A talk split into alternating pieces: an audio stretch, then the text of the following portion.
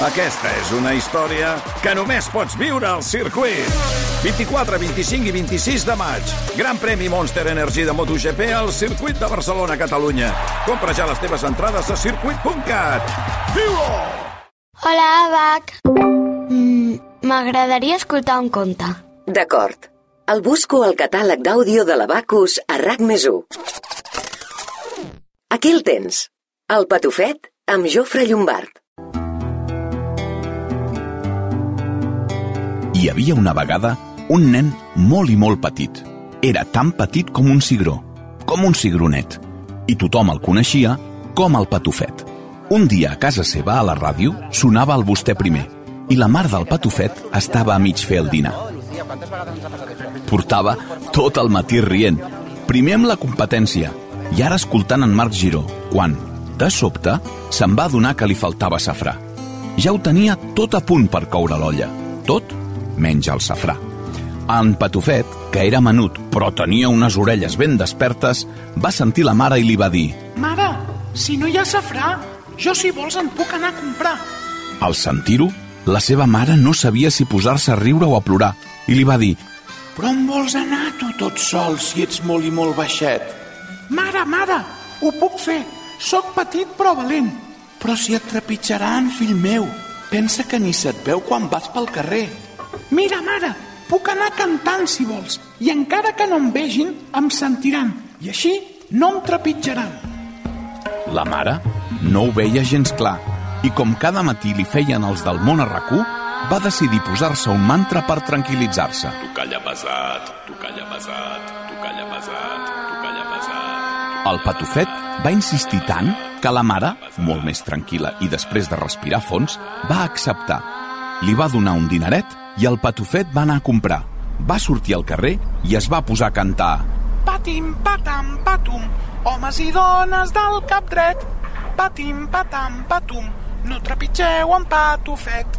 Per sort, el poble estava mig buit i no hi havia massa gent al carrer.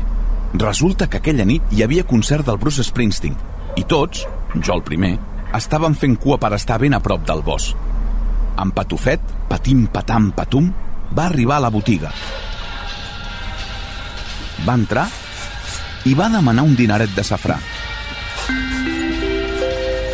Senyor Jofre Llombard, del Departament de Botifarra. Senyor botiguer, senyor botiguer, senyor botiguer, que em podria posar un dineret de safrà?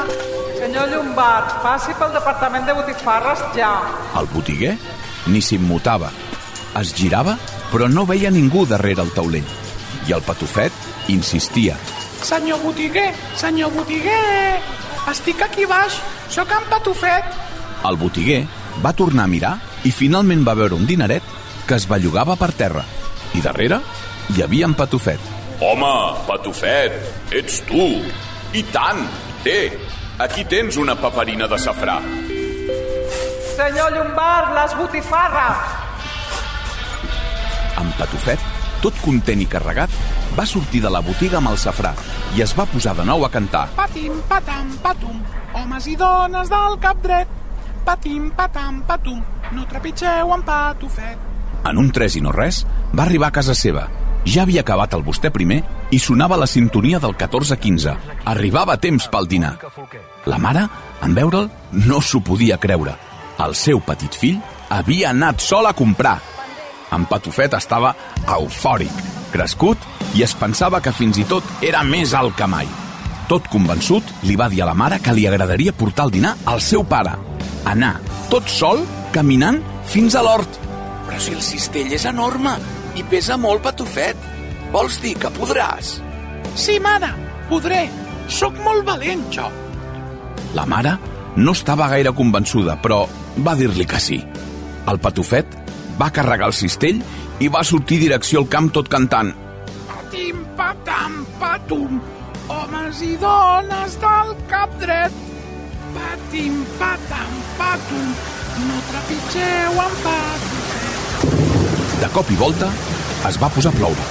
I no eren quatre gotes només. Era una bona tempesta. En Patufet va haver d'aturar-se, deixar de cantar i refugiar-se sota d'una cola enorme. I estava tan bé que, cansat de tant caminar, en Patufet va caure adormit. Prop d'allà passejava un bou impertèrrit a la pluja. Tenia molta gana i quan va veure el camp de cols se les va menjar totes de cop, sense adonar-se que també havia engolit el patufet. Ja cap al migdia, el pare del patufet es va estranyar al veure que ningú li havia portat el dinar. Va tornar a casa a veure què havia passat. La mare... Ai, la mare... Encara estava amb l'ai al cor i portava tota l'estona posant-se mantres de relaxació, tranquil·litat i bones vibracions. Al veure el pare arribar, va tenir clar que alguna cosa havia passat i tots dos van sortir a buscar en Patufet. Mentre caminaven, no paraven de cridar al seu fill.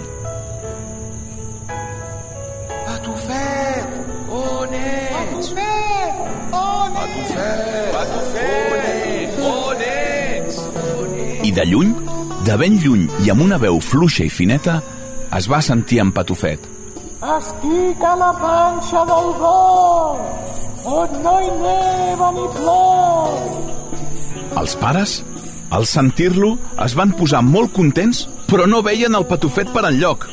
I el tornaven a cridar.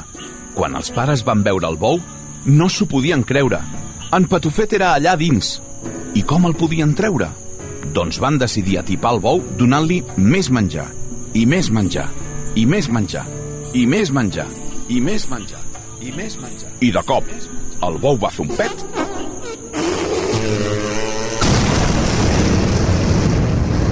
i va sortir amb patufet.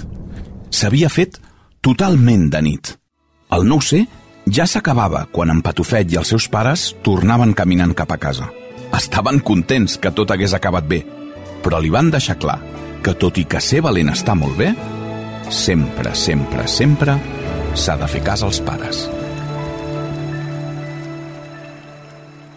Aquest conte l'he escollit perquè em recorda directament a la infància, com suposo que la majoria de contes i de narradors d'aquests contes, però en el meu cas concret em recorda el meu pare i encara més específicament com me l'explicava en una masia a la que anàvem tots els estius a Pruit, al costat de Rupit.